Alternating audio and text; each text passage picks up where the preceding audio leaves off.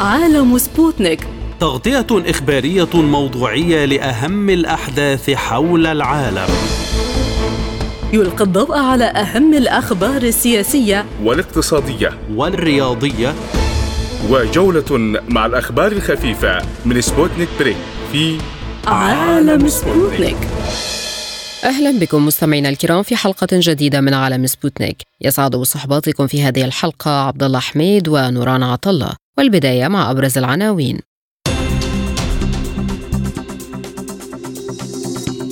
بلينكن يبدأ جولة في المنطقة تشمل إسرائيل والضفة الغربية. العراق يعلن تشكيل لجنة ثنائية لجدولة انسحاب قوة التحالف الدولي من البلاد. أردوغان يؤكد استعداد أنقرة استضافة محادثات سلام لإنهاء الصراع في أوكرانيا. البرهان يؤكد أنه لا صلح مع الدعم السريع وأن المعركة مستمرة لاسترداد كل السودان. في الاقتصاد تعليق تجارة النفط بين الصين وإيران بعد خلاف حول الأسعار.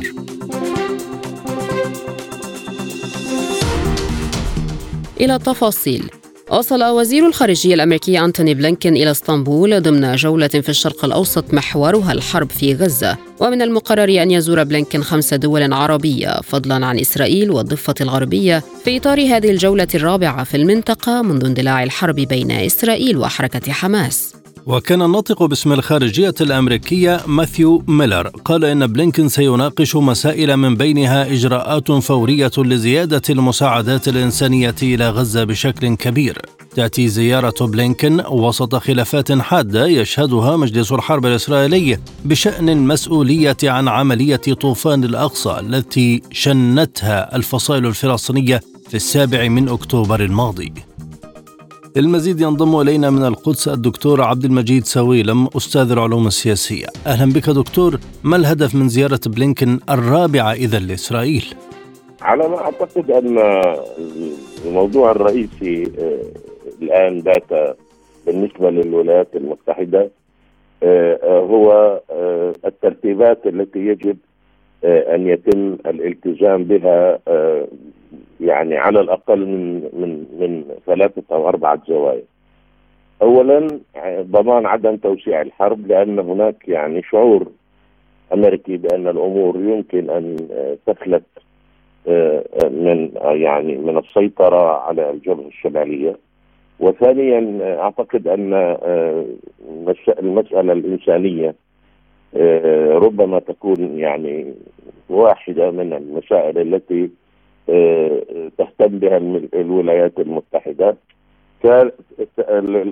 القضية الثالثة هي ما يسمونه بالمرحلة الجديدة أي بمعنى انكفاء القوات الإسرائيلية بقدر الإمكان من التجمعات السكانية وتموضعها في أماكن يعني لكي تتحول إلى آه، حرب آه، بالعمليات الخاصة بدلا من آه، الوقف الشامل لإطلاق النار.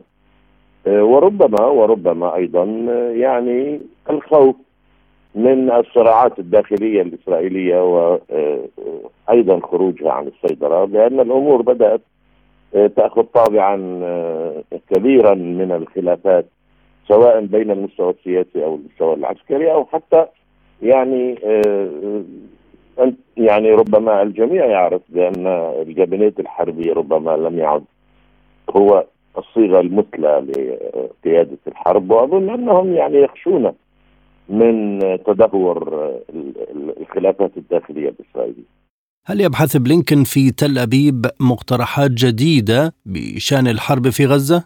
لا أظن لا أظن أن هناك شيء جديد لدى الولايات المتحدة الأمريكية لأن الولايات المتحدة الأمريكية تعرف بأن إسرائيل الحالية لا تريد الخروج من هذه الأزمة بشكل جدي يعرفون جيدا أن القيادة الإسرائيلية مأزومة ويعرفون جيدا أن يعني وقت إطلاق النار سيكون بمثابة هزيمة وحتى الاستعداد يعني لتخفيف وطأة الحرب يعني ليس عليه اتفاق داخل الجابينيت الحربي. أعتقد أن أقصى ما يريدونه يعني ربما ربما انتزاع موقف آه، وعبر عنه آه، عبرت عنه بعض القيادات السياسية الإسرائيلية أمس من أنهم لا يريدون البقاء آه، من الناحية الإدارية ومن الناحية العسكرية بصورة مباشرة في قطاع غزة لكنهم يريدون ضمانات بأن لا تكون هناك لا لا لا السلطة الفلسطينية ولا حركة حماس. وهو يعني أمر من وجهة نظري يشبه المستحيل. يعني كيف يمكن أن تكون ترتيبات ما بعد وقت إطلاق النار يعني ولا نعرف متى سيحل هذا وقت إطلاق النار ولذلك لا أعتقد أن لديهم يعني قواسم مشتركة كثيرة مع الإسرائيليين لترتيبات قابلة للتطبيق من وجهة نظر الولايات المتحدة ويعني تستطيع أن تلتزم بها إسرائيل. الحالة الإسرائيلية الداخليه في إسرائيل الصراع الخوف من اليوم التالي للحرب كل هذه المسائل يعني أنا أعتقد ذات تحد كثيرا من قدرة الولايات المتحدة على ترتيبات حقيقية.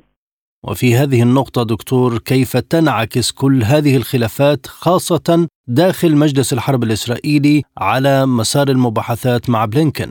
أعتقد أنهم سيحاولون بصورة أو بأخرى يعني الخروج بشكل ما من الترتيبات لانكفاء القوات الإسرائيلية من منطقة المدن والتجمعات. هذا ربما يعني سيصلون إليه لأنه من ناحية سيستجيب يعني رغبة الولايات المتحدة ومن ناحية أخرى ستظل إسرائيل تدعي بأن الحرب ما زالت قائمة وأن يعني وأنه يجب أن يوضع أيضا جزء من القوات في الشمال ويعني يجب تخفيف القوات العاملة في قطاع غزة لأن إذا إمكانية أن تفتح الجبهة في الشمال ستكون مشكلة كبيرة لإسرائيل طالما أن الجزء الأكبر من هذه القوات ما زال موجود في القطاع ويعني في منطقة الغيلة.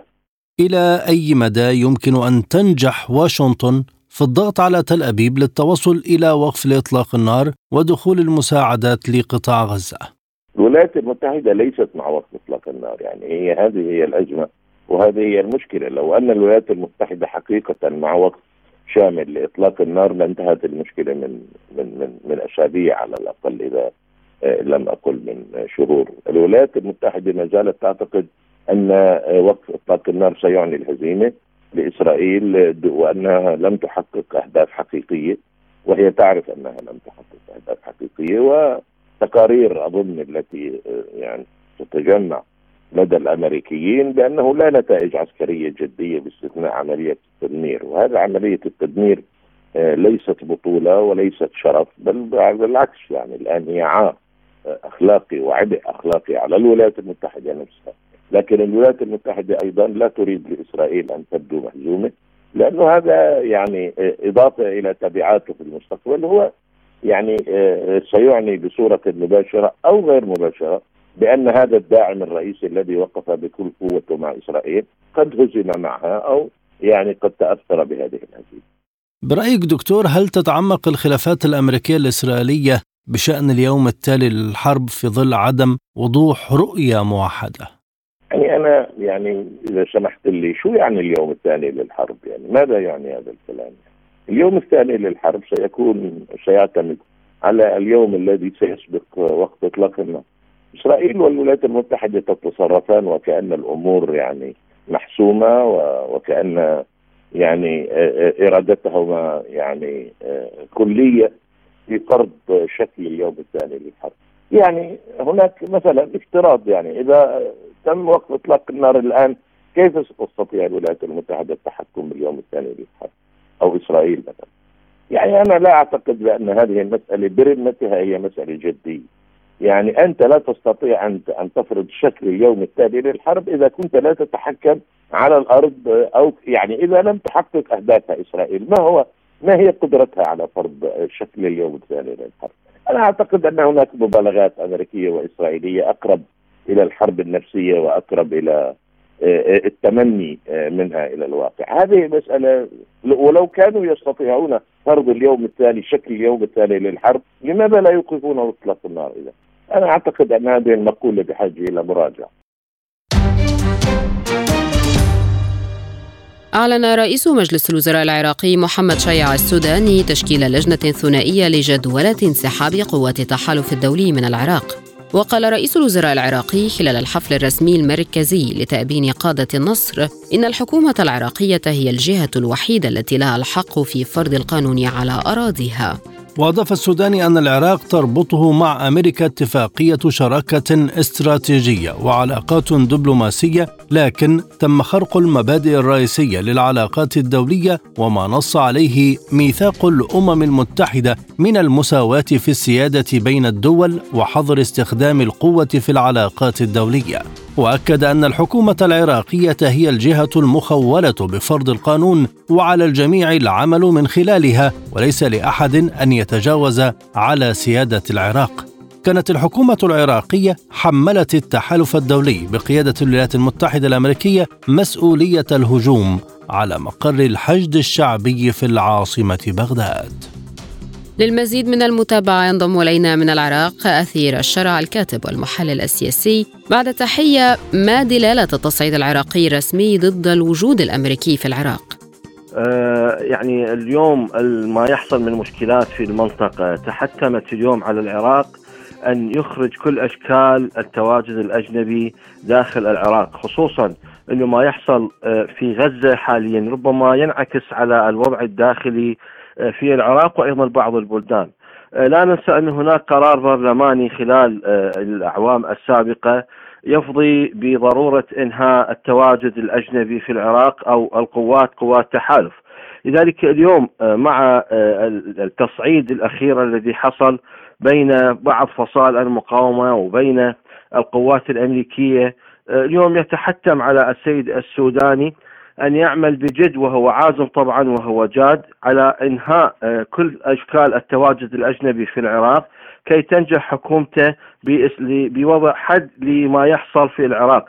لذلك الاستقرار في العراق لا يمكن أن يحصل إلا بمغادرة التحالف الدولي من العراق أو القوات الأمريكية وطبعا الحكومة الأمريكية من خلال تواجد السفيرة فوق العادة السيدة إلينا رومانسكي في العراق فعلا ربما تتمكن من جدولة التواجد الأمريكي أو قوات التحالف في العراق. وأنا أرى بأنه كل الجهات اليوم وكل الأطراف جادة آه، لوضع اتفاق جديد بين آه، يعني الولايات المتحدة الأمريكية وبين الحكومة العراقية كون أنه القوات الأمريكية وقوات التحالف آه، يعني آه، تتسلح بشرعية تواجدها من خلال دعوة الحكومات العراقية. لذلك الجهة الوحيدة التي فعلا تستطيع أن تنهي التواجد الأمريكي داخل العراق هي السلطة التنفيذية أي الحكومة العراقية. لذلك أنا أرى أن هناك جدية فعلية من قبل السيد السوداني على جدولة إنهاء آه، آه، التواجد الأجنبي في العراق وأعتقد أنه تواجد القوات الأمريكية لا تتعدى ربما الستة أشهر ربما بعد ستة أشهر نرى أن هناك انسحابا تكتيكيا آه، لقوات التحالف من العراق. وطبعا اليوم جاهزية القوات العراقية وكل الصنوف الشرطة وأيضا الحشد الشعبي تحتم على الجميع بأن يعتمد الكل على الجيش العراقي والشرطة الاتحادية وأيضا الحشد الشعبي آه، الذي آه، تحاول بعض الأطراف هيكلته ودمجه آه، بالقوات الأمنية الأخرى. لذلك إذا ما حصل طارئ كالتحديات داعش وغير داعش نحن نقول بأن القوات العراقية قوات مسلحة العراقية على أهبة الاستعداد للدفاع عن العراق وأرض العراق. واليوم فعلا يعني من خلال اللجنة الثنائية التي تم تشكيلها فعلا سوف توضح هذا الأمر وتنجح بجدولة آه، آه، إنهاء التواجد الأمريكي والأجنبي داخل العراق. واعتقد انه كل الأطراف اليوم جادة بان لا يكون العراق ساحة لتصفية المحاور أو ساحة لصراع المحاور وتصفية آه، بعض الأمور. يعني العراق ربما ليس له دخل في هذه الأمور.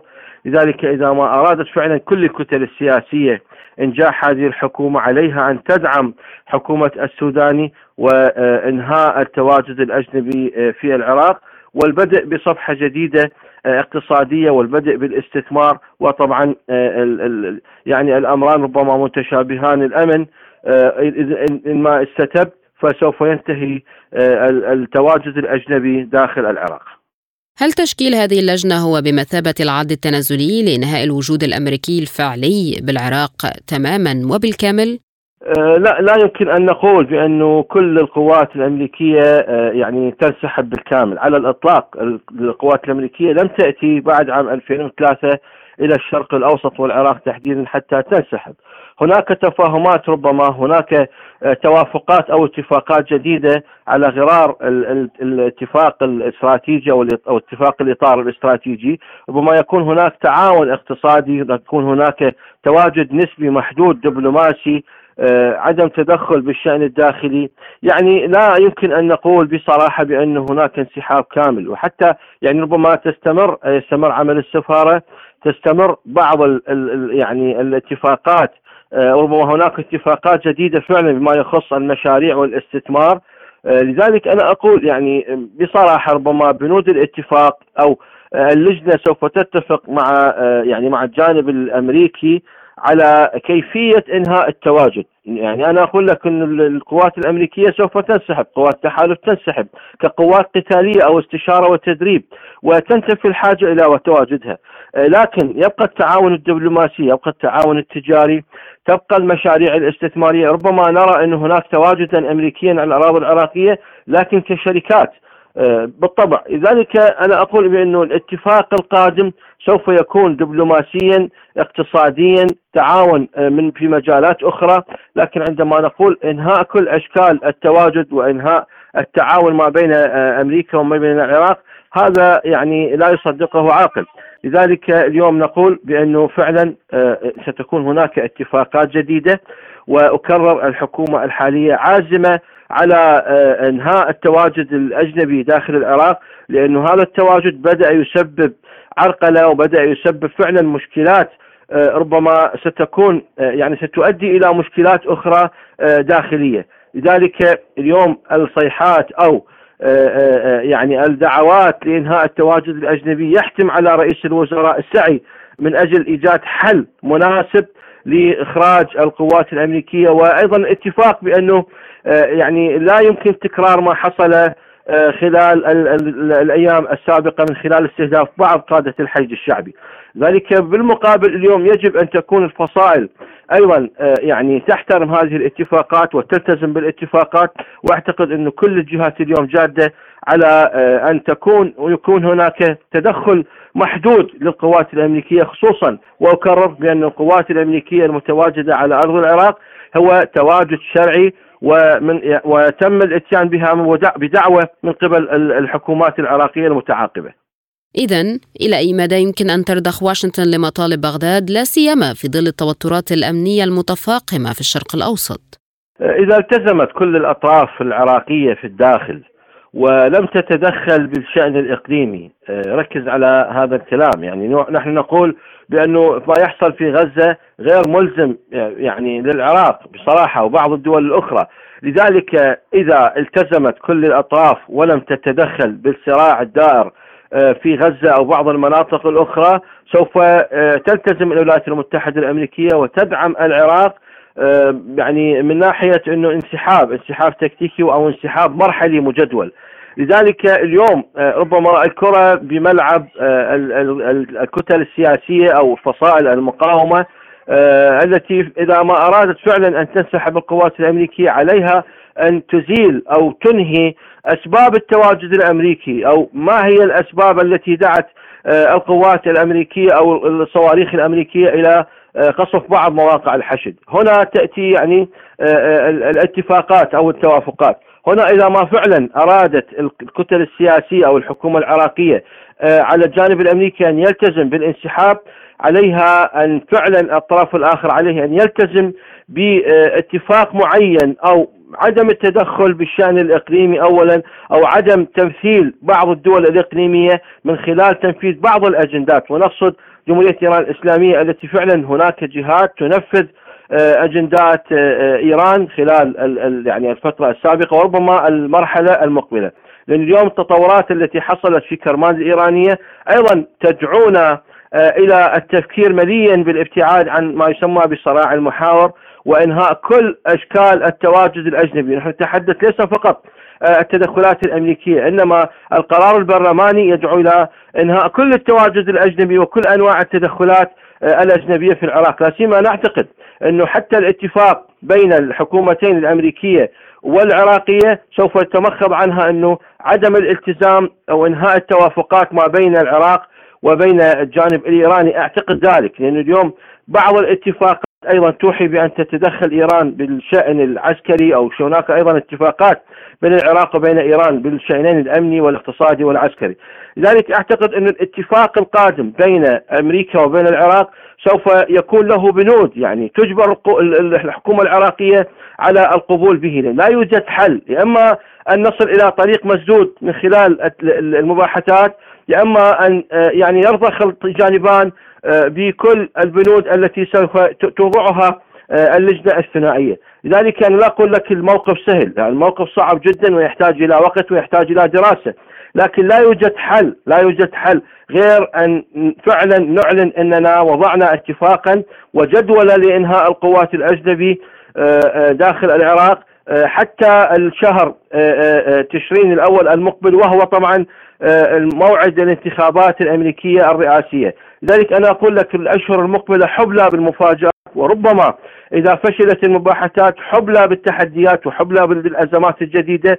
ولا أعتقد انه كل الأطراف كل الأطراف تسعى إلى إلى يعني تمديد ساحة الصراع والأمور ذاهبة إلى أن يكون الشرق الأوسط آه، آه، يعني آه، خالي من السلاح شرق الأوسط فعلا يأم بالسلام ومشروع الشرق الأوسط أو السلام في الشرق الأوسط أعتقد ماضي واذا ما حصل هناك اتفاق بين العراق وبين الولايات المتحدة الأمريكية فأعتقد إنه بوابة للدخول إلى مشروع شرق أوسط جديد. ماذا لو رفضت واشنطن إنهاء وجودها العسكري بالعراق؟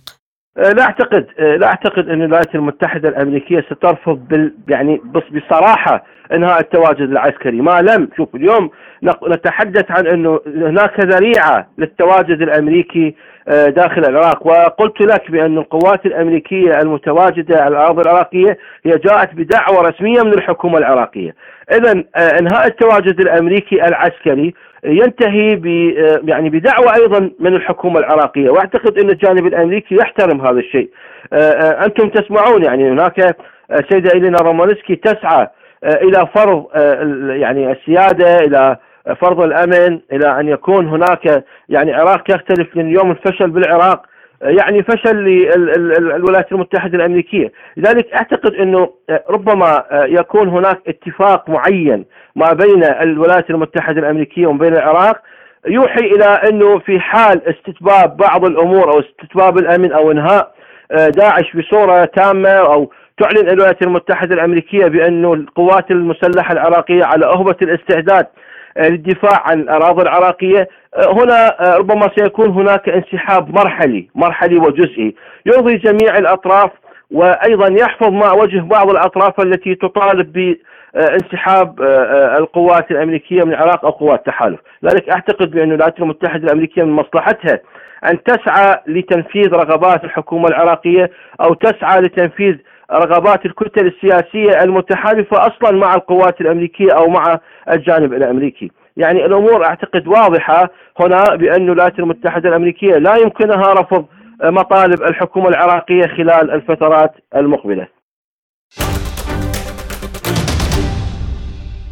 أبلغ الرئيس التركي رجب طيب أردوغان نظيره الأوكراني فلاديمير زيلينسكي استعداد تركيا للقيام بدور الوسيط واستضافة محادثات السلام في إطار إحلال السلام في أوكرانيا وأشار في اتصال هاتفي مع زيلينسكي إلى ضرورة التوصل إلى وقف لإطلاق النار في أوكرانيا في أقرب وقت كما يجب تمهيد الطريق أمام السلام وفقا لبيان من الرئاسة التركية. وأكد الرئيس التركي خلال الاتصال مع نظيره الأوكراني أن تركيا تبذل جهودا حثيثة من أجل وقف اراقه الدماء وإحلال السلام الدائم في كل من أوكرانيا والأراضي الفلسطينية. للمزيد من المتابعة ينضم إلينا من باريس دكتور فيصل جلول الباحث في أكاديمية باريس للجيوبوليتيك بعد التحية دكتور فيصل هل تجد هذه الدعوات التركية الصدى في الغرب خصوصا بعد فشل الاستراتيجية الغربية في أوكرانيا؟ هناك يعني آه، هناك سببان آه، آه، يجعلان من هذا المقترح جدي السبب الأول هو أن تركيا تمكنت في السابق خلال الحرب من أن تلعب دورا مهما في بين الطرفين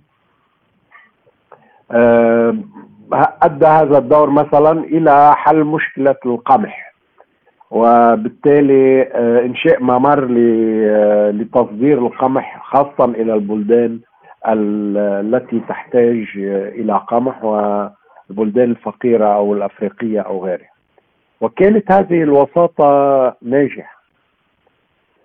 وبينت تركيا مرارا أنها قادرة على استقبال الطرفين وأنها آه، موقعها يتيح لها ذلك باعتبار أنه هي عضو في الحلف الأطلسي وهي آه، التي أعطت أوكرانيا آه، مسيرات بيرقدار ولكن هذا الأمر لم يسئ لعلاقتها بالروس. ناهيك عن أنه تركيا لها مصلحة أيضا في أن يتوقف هذا هذا هذه الحرب. من جهة أخرى السبب الآخر الذي يجعل هذه هذا المقترح جدي هو أنه آه، وصلت الحرب في أوكرانيا إلى مرحلة آه، ما عاد فيها الغرب قادر على آه، إدارة هذه الحرب وباتت مكلفة وخاصة في أوروبا هناك يعني خوف أن تتمدد هذه الحرب. وبعض الدول التي كانت متحمسة في السابق للاشتراك في هذه الحرب أو لدعمها كبولونيا الآن باتت أقل حماسة هي وغيرها. آه لذلك يبدو لي أن هذا المقترح جاء في وقت مناسب. هذا الوقت آه آه يتيح أيضا لتركيا أن تواصل لعب الدور السابق الذي كانت تلعبه وفي ذات الوقت يمكنني القول لكن نحتاج إلى إلى تأكيدات أكثر آه أن تركيا ربما حصلت على ضوء اخضر أخضر من الحلف الاطلسي باعتبارها عضو عضو في الحلف الأطلسي وباعتبار الحلف الأطلسي يعني هو الذي يدير الحرب في أوكرانيا. إذا قد لا يكون ضوء أخضر كامل أو واضح لكن ربما اختباري. وهذا أيضا يجب أن أضيف سبب آخر هو التقدم الروسي على الجبهات.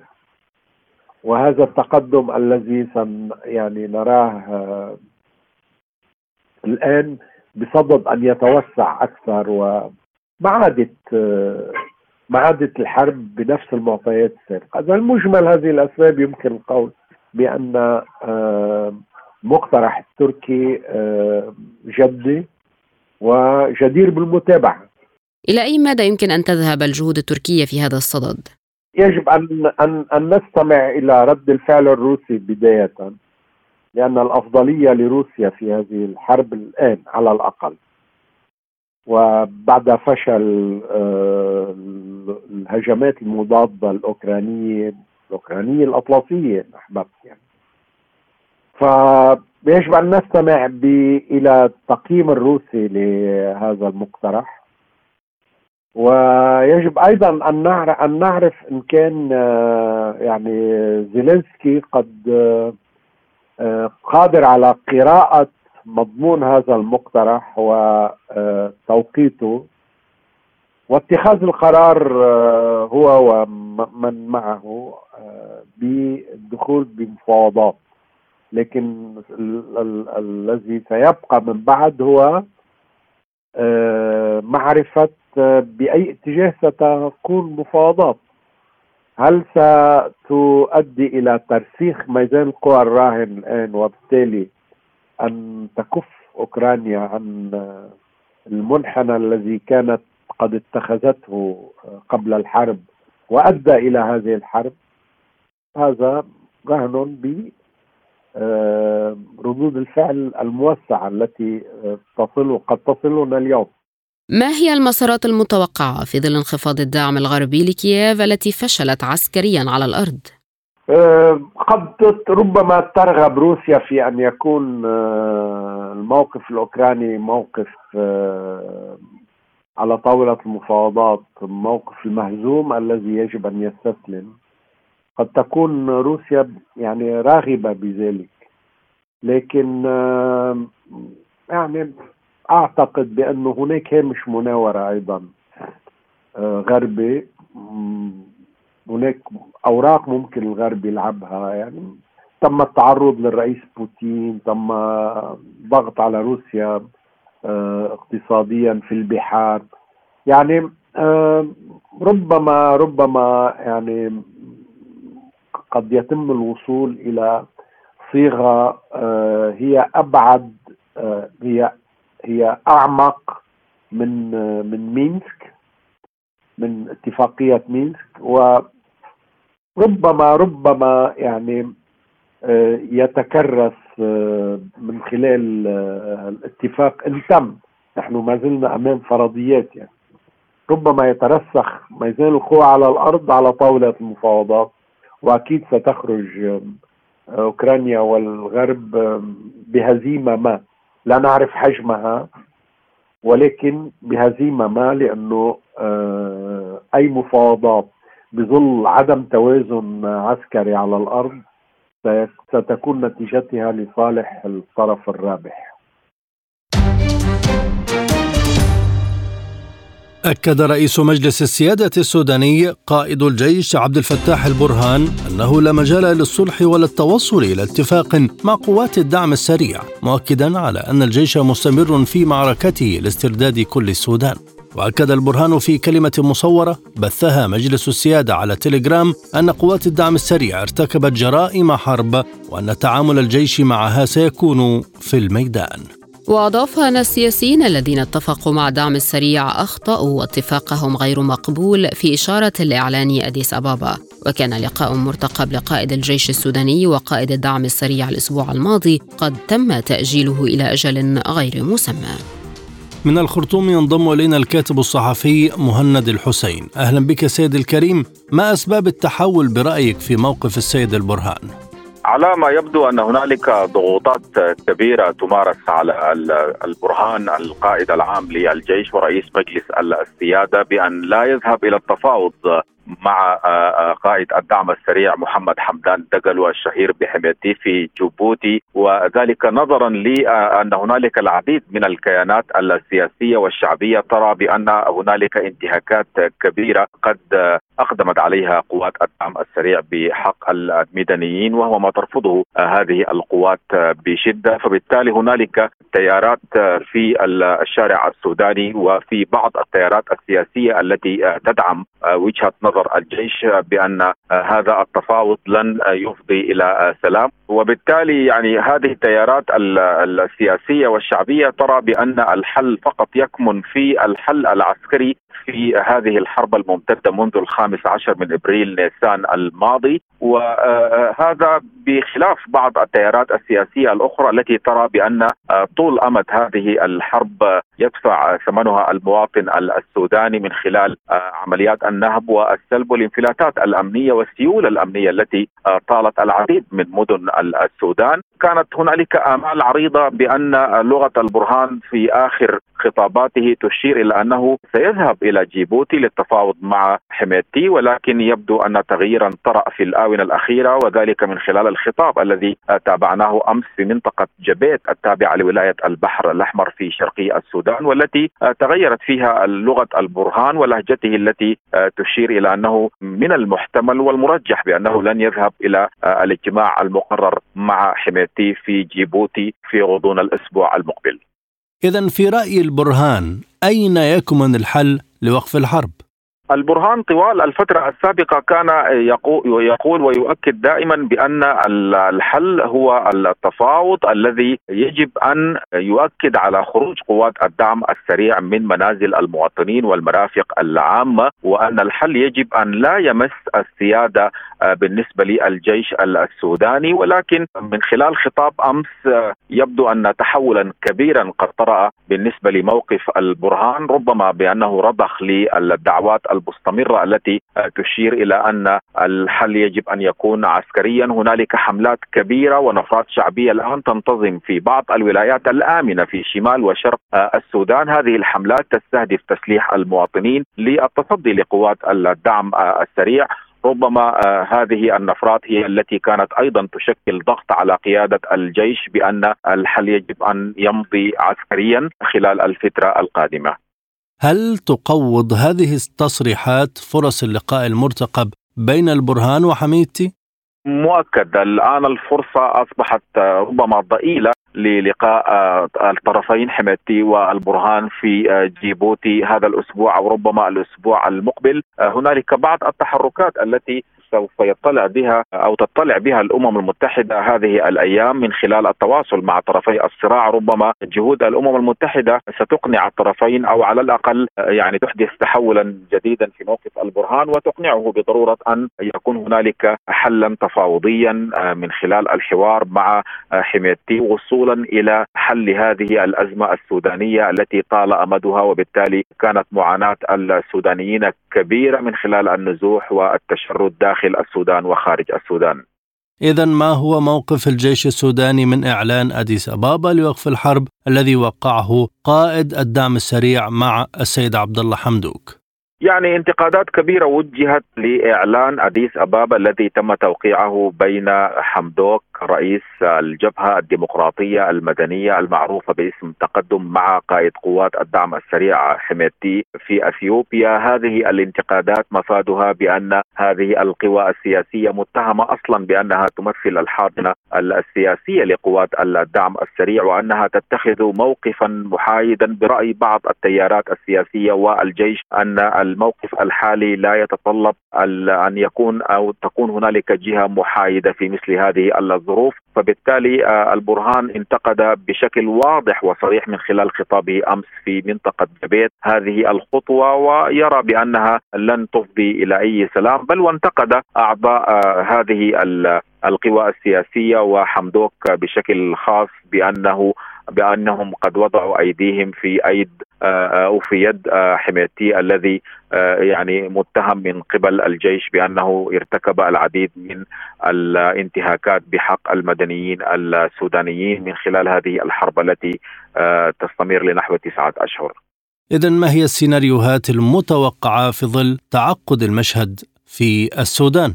يعني ربما بأن تحول موقف الجيش يستند ربما لبعض الخطط التي يحاول تنفيذها وخطط ربما هي مغايرة عن الأسلوب الذي كان يتبعه الجيش السوداني في مواجهة قوات الدعم السريع. وربما كذلك آه، أن يحصل العكس العكس بأن آه، تقوم الأمم المتحدة وبعض التيارات الأخرى بإقناع البرهان وإقناع الجيش السوداني بضرورة أن يكون هنالك حوار لوضع حد لهذه الحرب ووضع حد لمعاناة السودانيين والمضي قدما نحو جيبوتي لمناقشة التفاصيل المتعلقة بالتحقيق بشأن هذه الانتهاكات التي ارتكبت بحق المواطنين وكذلك بشأن العديد من القضايا المهمة المهمه والملحة فيما يتعلق بانسياب المساعدات الإنسانية وفتح ممرات آمنة لهذه المساعدات فضلا عن آه، خروج قوات الدعم السريع من آه، منازل المواطنين من الأحياء الشعبية من المرافق الحكومية. وكذلك وقف آه، هذا التمدد لقوات الدعم السريع الذي وصل مؤخرا إلى مدينة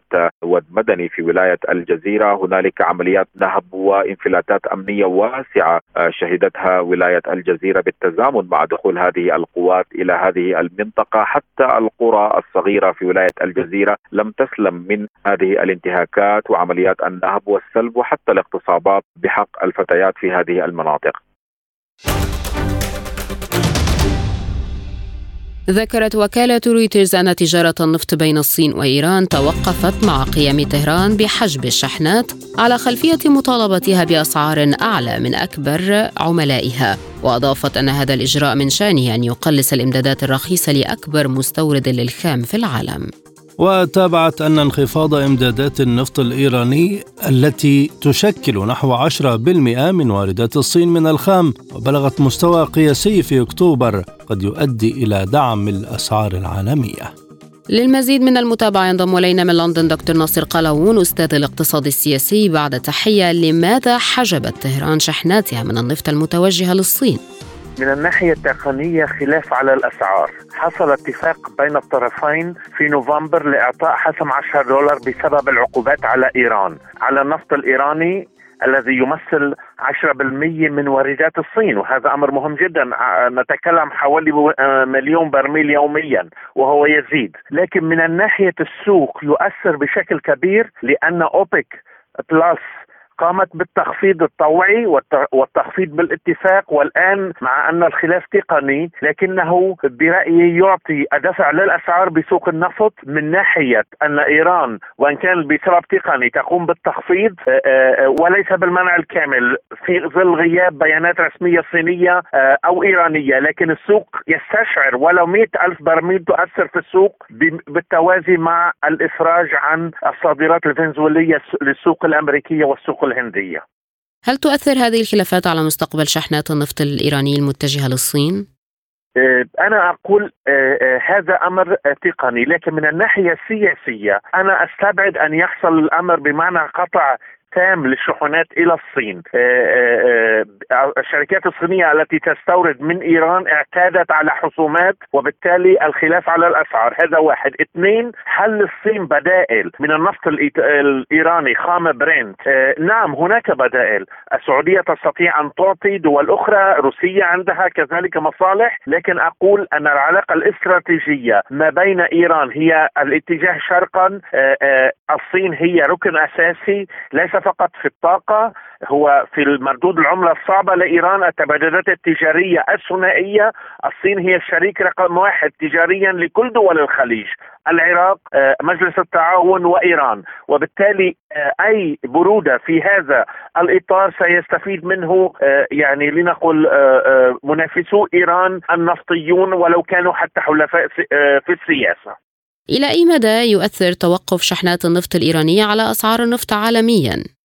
هو بدأت آه، في تعاملات الجمعة آه، زيادة على الأقل 2 دولار لخام برنت. إذا لم يحل هذا الأمر ونحن نعرف الآن في في سوق النفط هناك يعني آه، الاتفاقات ممكن أن تقوض بشكل سريع. لكن أبرهنت أوبك plus على أنها نوع من آلية لضبط الأمور من ناحية أن تزويد الخفض الإجباري ثم الخفض الطوعي. لكن بنفس الوقت آه، آه، توسع الاوبك plus هو آه، كذلك أنا أعتبره عامل سلبي. الآن انضمت البرازيل لها وهذا أمر جيد لكن عندي دول أفريقية تنسحب منها أنغولا مثلا وربما الكونغو و يعني نيجيريا عندها مشاكل. بمعنى دول تريد أن تصدر بأي ثمن وبأي طريقة لا تريد أن يفرض عليها حدود في التصدير.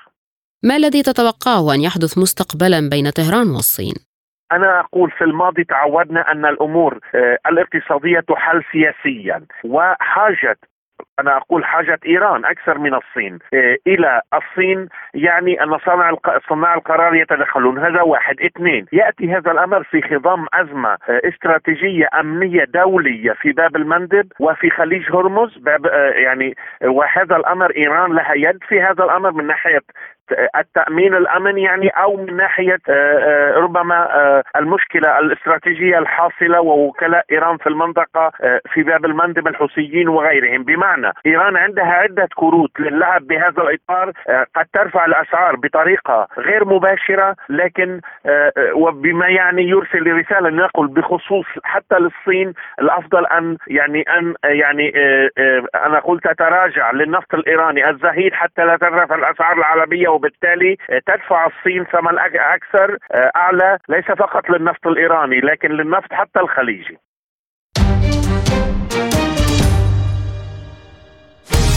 ملفات ساخنة. برنامج يسلط الضوء على أهم القضايا الحرجة في العالم. نستعرض القضايا مع جميع الأطراف ومن كل الزوايا لاستجلاء الحقيقة. ملفات ساخنة. يستضيف أهم الخبراء وأجرأ الضيوف. تابعوا ملفات ساخنة مع راديو سبوتنيك أيام السبت والثلاثاء والخميس من كل أسبوع. الآن إلى جولة من الأخبار حول العالم. قالت وزارة الدفاع الروسية إن الدفاعات الجوية دمرت أربعة صواريخ أوكرانية فوق شبه جزيرة القرم أضافت أنه تم إيقاف محاولة من قبل نظام كييف لتنفيذ هجوم إرهابي باستخدام صواريخ ضد أهداف على أراضي روسيا الاتحادية.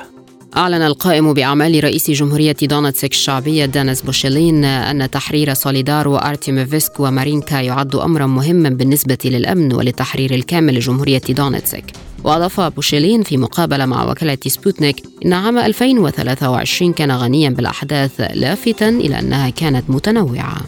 أفادت وزارة الدفاع الروسية بأنه نتيجة لضربات القوات الروسية للضفة اليمنى من نهر دنيبر تم القضاء خلال أسبوع على نحو 225 عسكريا للقوات الأوكرانية. وأشار البيان إلى أن كييف خسرت خلال أسبوع على محوري كوبيانسك وكراسني ليمان نحو 1200 عسكري. أكد الأمين العام لحزب الله اللبناني حسن نصر الله أن أمريكا وحلفائها على موعد مع هزيمة استراتيجية أمام روسيا في أوكرانيا. وقال نصر الله في كلمة له بمناسبة ذكرى مرور أسبوع على رحيل النائب اللبناني السابق محمد حسن ياغي إن الإدارة الأمريكية قلقة من توسيع دائرة الحرب في المنطقة لأن لا مصلحة لها في ذلك. قالت وزيرة الخارجية الفرنسية كاترين كولونا إنه ليس من حق إسرائيل تحديد مستقبل قطاع غزة منتقدة الدعوات المنادية بتهجير سكان القطاع ووصفتها بأنها غير مسؤولة. وأكدت كولونا في حديثها لوسائل إعلام أمريكية أن قطاع غزة أرض فلسطينية مشددة على ضرورة العودة إلى مبادئ القانون الدولي واحترامها. أعلن حزب الله اللبناني في بيان له عن ملخص عملياته العسكرية واستهدافه مواقع الجيش الإسرائيلي وتموضعات لجنوده في القطاعين الشرقي والغربي من جنوب لبنان. وأوضح حزب الله في بياناته أن عناصره قصفوا الجمعة في القطاع الشرقي من جنوب لبنان تجمعا لجنود الجيش الإسرائيلي في محيط موقع الدهيرة بصواريخ بركان وتم إصابته إصابة مباشرة. وكما تم استهداف موقع بركة ريشة بالقذائف المدفعية ثم تم استهدافه بصواريخ بركان وإصابته إصابة مباشرة.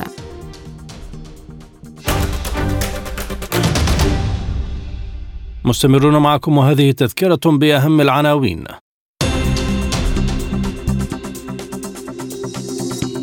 بلينكين يبدأ جولة بالمنطقة تشمل إسرائيل والضفة الغربية.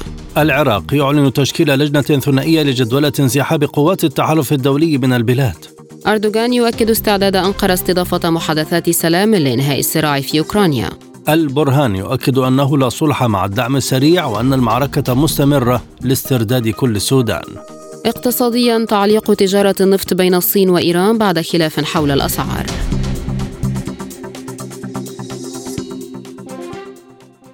أخبار الاقتصاد والرياضة مع الزميل أحمد أحمد.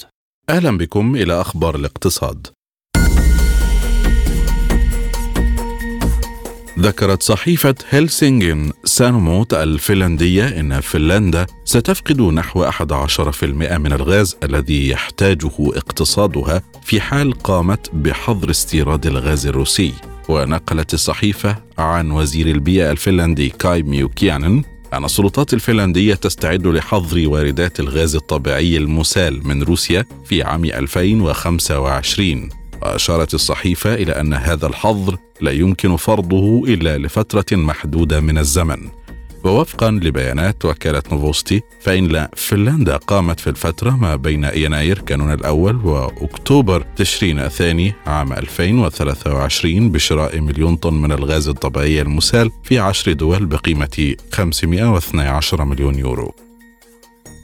أفادت صحيفة حرية نقلا عن هيئة الطاقة التركية بأن روسيا حافظت عام 2023 على تصدرها موردي الغاز والنفط ومشتقاته إلى تركيا وأجلت استيفاء مستحقاتها على أنقرة لدعم الاقتصاد التركي.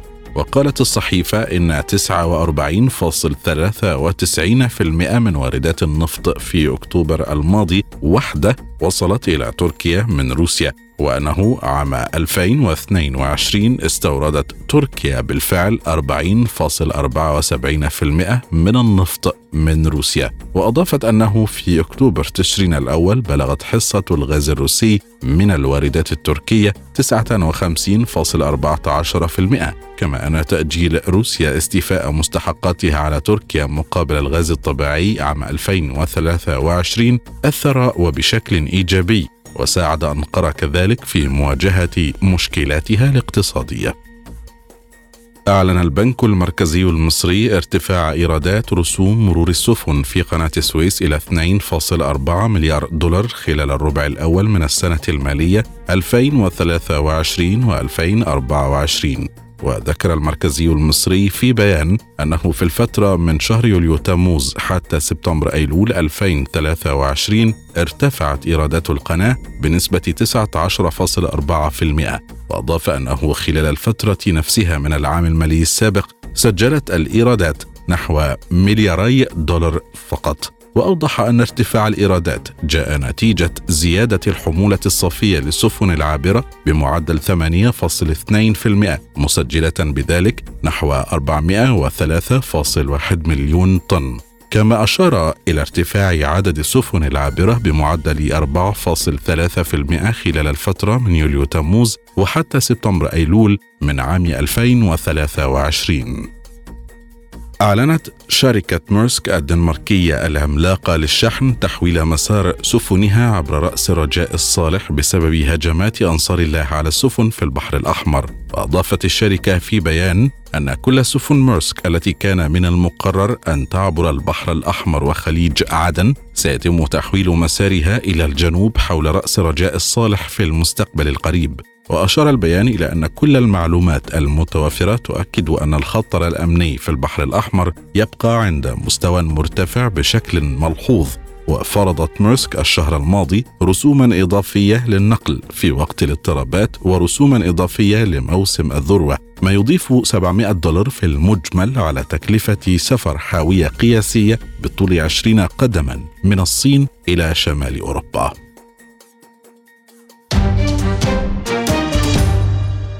والآن مع أخبار الرياضة.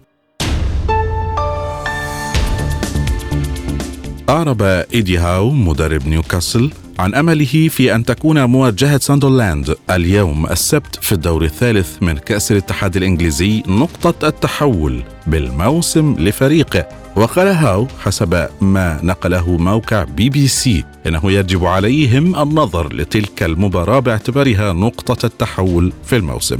وأضاف أنه عندما سحبت القرعة منح اللاعبين الفرصة للحديث عن المواجهة لأنهم يعرفون كل شيء يحتاجون إليه بشأن المباراة وما الذي تعنيه وتابع انه تدربوا بصورة جيدة ويعرفون أهمية المباراة وما الذي تعنيه للجميع. كشف راديو مونت كارلو الفرنسي ملامح اتفاق مالي محتمل بين الفرنسي كيليان إمبابي ونادي باريس سان جيرمان. وأضاف أن الاتفاق المالي قيمته 80 مليون يورو. سيحصل عليها كيليان حال تفعيل بند الموسم الثالث في التعاقد الحالي. وأوضحت أنه في حال قرر اللاعب عدم التجديد فهذا يعني الاستغناء عن المبلغ. أكدت الشبكة أن إمبابي أبلغ الإدارة الباريسية بأنهم أول من سيعلمون قراره النهائي سواء بالبقاء أو الرحيل بنهاية عقده خلال الصيف المقبل. وكان النجم الفرنسي قد صرح مؤخرا بوجود اتفاق مع ناصر الخليفي بشأن مستقبله مؤكدا أنه لم يحسم قراره النهائي بعد. تصدر نادي برشلونة حامل لقب بطل الدوري الإسباني لكرة القدم قائمة الأندية صاحبة أعلى متوسط لحضور جماهيري في العام المنصرم 2023 وفقا لإحصائية رصدها موقع ترانسفير ماركت وتصدر برشلونة الترتيب العام للأندية الأكثر متابعة في المدرجات خلال عام 2023 بمعدل 83273 مشجعا في كل مباراة لعبها عبر ملعبه كامب نو بالدوري الإسباني وذلك حسب إحصائية رصدها الموقع. ويعود تفوق برشلونة إلى ملعب سبوتيفاي كامب نو الذي تبلغ سعته نحو 99354 متفرجا مما يجعله أكبر ملعب كرة قدم في قارة أوروبا. تأهل الروسي أندري روبليوف للدور قبل النهائي لبطولة الدوري العالمي ATP 250 للتنس في هونغ كونغ والبالغ مجموع جوائزها 660 ألف دولار. وجاء تأهل روبليوف بعد فوزه على الفرنسي آرثر فيلس بمجموعتين دون رد بواقع 6-4 1-6 و7-6 في اللقاء الذي جمعهما أمس الجمعة. ومن المقرر أن يواجه روبليوف ذو الستة وعشرين عاما في الدور قبل النهائي للبطولة الصيني جون تشينغ شانغ الذي تغلب بدوره على الأمريكي فرانسيس تيافوي بمجموعتين دون رد بواقع 6 4 و 6 4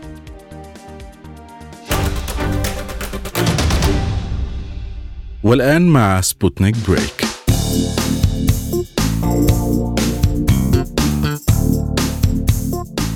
اكتشف علماء من المجلس الأرجنتيني للبحث العلمي كونيسيت نوعا جديدا من الديناصورات العاشبة من ذوات العنق الطويل والتي عاشت قبل نحو 96 مليون سنة في أمريكا الجنوبية.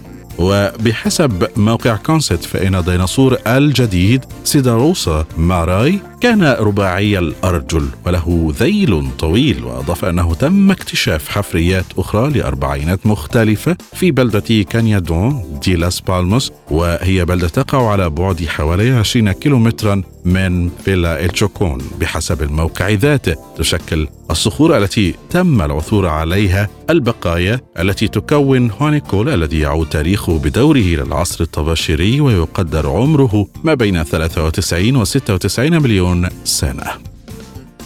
اكتشفت دراسة جديدة أن تناول المزيد من الطماطم يمكن أن يساعد في الوقاية من ضغط الدم والسيطرة عليه. أضافت الدراسة المنشورة في المجلة الأوروبية لأمراض القلب الوقائية أنه يمكن للطماطم والمنتجات القائمة على طماطم مثل صلصة الطماطم والكاتشب والصلصة العادية أن تساعد في الوقاية من ارتفاع ضغط الدم وإدارته. وأكدت الدراسة أن تناول المزيد من الطماطم خاصة أكثر من 110 جرامات يوميا يرتبط بانخفاض ضغط الدم وانخفاض خطر الإصابة بارتفاع ضغط الدم. وكانت هذه الفائدة أكثر أهمية بالنسبة للأشخاص الذين يعانون أصلا من ارتفاع ضغط الدم في مرحلة مبكرة. كشفت البعثة الأثرية المشتركة بين جامعة واسيدا اليابانية والمجلس الأعلى للأثر المصري عن مقبرة منحوتة في الصخر وعدد لا يحصى من القطع الأثرية التي تغطي فترات تاريخية مختلفة وذلك خلال موسم التنقيب الحالي في منطقة سقارة الجبانة. وقال رئيس الفريق الياباني نوزومو كاواي إن الاكتشاف يوفر معلومات لا تقدر بثمن حول تاريخ تلك المنطقة. وتتميز هذه الأعجوبة المعمارية التي يعتقد أنها تعود إلى الأسرة الثانية تتميز بتصميمات معقدة وتقدم لمحة عن براعة البنائين المصريين القدماء. كما يعد تصميم المقبرة والفخار المكتشف داخلها بمنزلة علامات مهمة لفهم السياق التاريخي لإنشائها وفقا لبيان من وزارة السياحة والآثار المصرية. توصلت دراسة علمية إلى حل يساعد الإنسان لكي يظهر أصغر سنا من الناحية البيولوجية بنحو عامين ونصف العام. وقد خلص مؤلف الدراسة التي نشرت في مجلة Science of the Total Environment أن العيش قرب المساحات الخضراء يجعل الأفراد يظهرون عادة بشكل أصغر في العمر. افترض الباحثون في دراستهم أن فوائد المساحات الخضراء تنبع من تخفيف التوتر الجسدي والنفسي، وأن الأشجار توفر الظل أثناء الطقس الحار، وتقلل من تلوث الهواء، وتقلل من الضوضاء، والأكثر من ذلك أن المساحات الخضراء تعزز النشاط البدني، وتعزز التفاعلات الاجتماعية، وتخفض من معدلات الجريمة.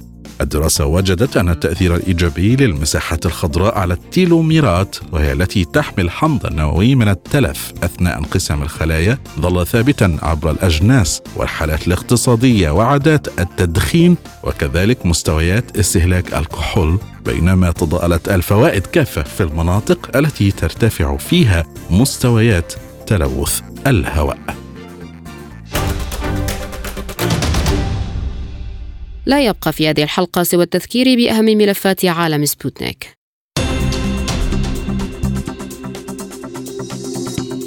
بلينكن يبدأ جولة في المنطقة تشمل إسرائيل والضفة الغربية. العراق يعلن تشكيل لجنة ثنائية لجدولة انسحاب قوات التحالف الدولي من البلاد. أردوغان يؤكد استعداد أنقرة استضافة محادثات سلام لإنهاء الصراع في أوكرانيا. البرهان يؤكد أنه لا صلح مع الدعم السريع وأن المعركة مستمرة لاسترداد كل السودان.